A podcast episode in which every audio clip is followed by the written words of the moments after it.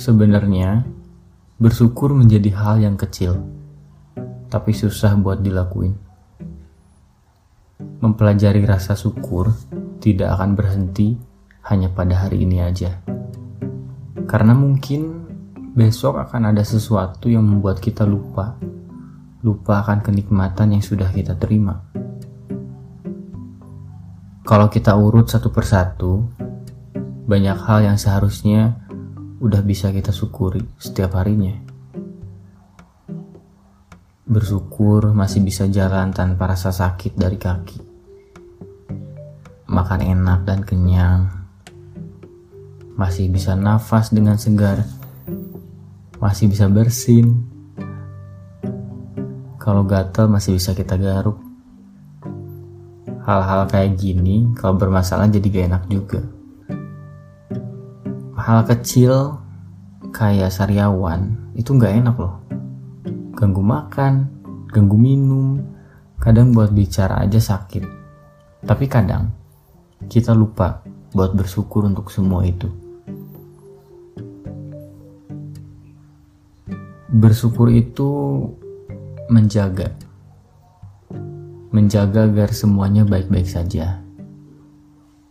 Sederhananya menjaga yang tadinya sehat agar tidak menjadi sakit. Atau yang tadinya boros, semua barang dibeli dengan dalih merayakan capek dari hasil kerja. Berubah menjadi beli yang kita butuhin aja dan mulai nabung. Atau mungkin belajar untuk selalu mengucapkan terima kasih untuk semua hal. Mungkin kurang lebih satu tahun terakhir ini, aku selalu memulai doa dengan ucapan terima kasih.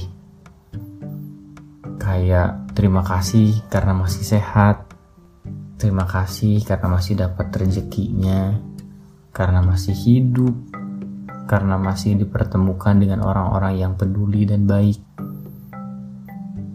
Terima kasih karena masih dikasih jalan untuk selalu belajar dan terima kasih juga karena masih dikasih sebuah masalah. Tapi gara-gara hal tersebut, aku jadi lebih sedikit meminta, lalu lebih banyak menerima apa pun yang datang. Mungkin banyak dari kita mengerti bahwa apa yang kita minta dan harapkan belum tentu terwujud, tapi menerima juga sama sulitnya. Tapi untuk sekarang, perlahan aku lebih baik untuk bisa selalu menerima. Meskipun ya akan selalu ada kecewa. Karena ya tadi, menerima pun pasti sulit. Pada dasarnya, kita akan bersyukur dengan apa pun yang kita terima. Termasuk semua permasalahan yang kita dapat. Aku paham betul bahwa tidak semua yang kita rasakan bisa kita syukuri gitu aja. Mungkin perlu proses damai dari diri kita dengan hal yang kita alami. Saat kita kecewa, kemudian amat kecewa, pasti kita perlu waktu untuk akhirnya berteman dan mengerti kekecewaan itu. Mungkin saat kita kecewa, kita hanya bisa bertanya, kenapa hal ini terjadi. Atau mungkin kita merasa keadilan tidak berpihak pada diri kita. Tapi setelah semua berlalu, mungkin akan ada penyesalan. Atau mungkin ada rasa syukur karena kejadian itu menimpa kepada kita. Bisa saja, jika kita tidak kecewa saat itu, mungkin hari ini kita masih berada di rasa sakit yang amat dalam.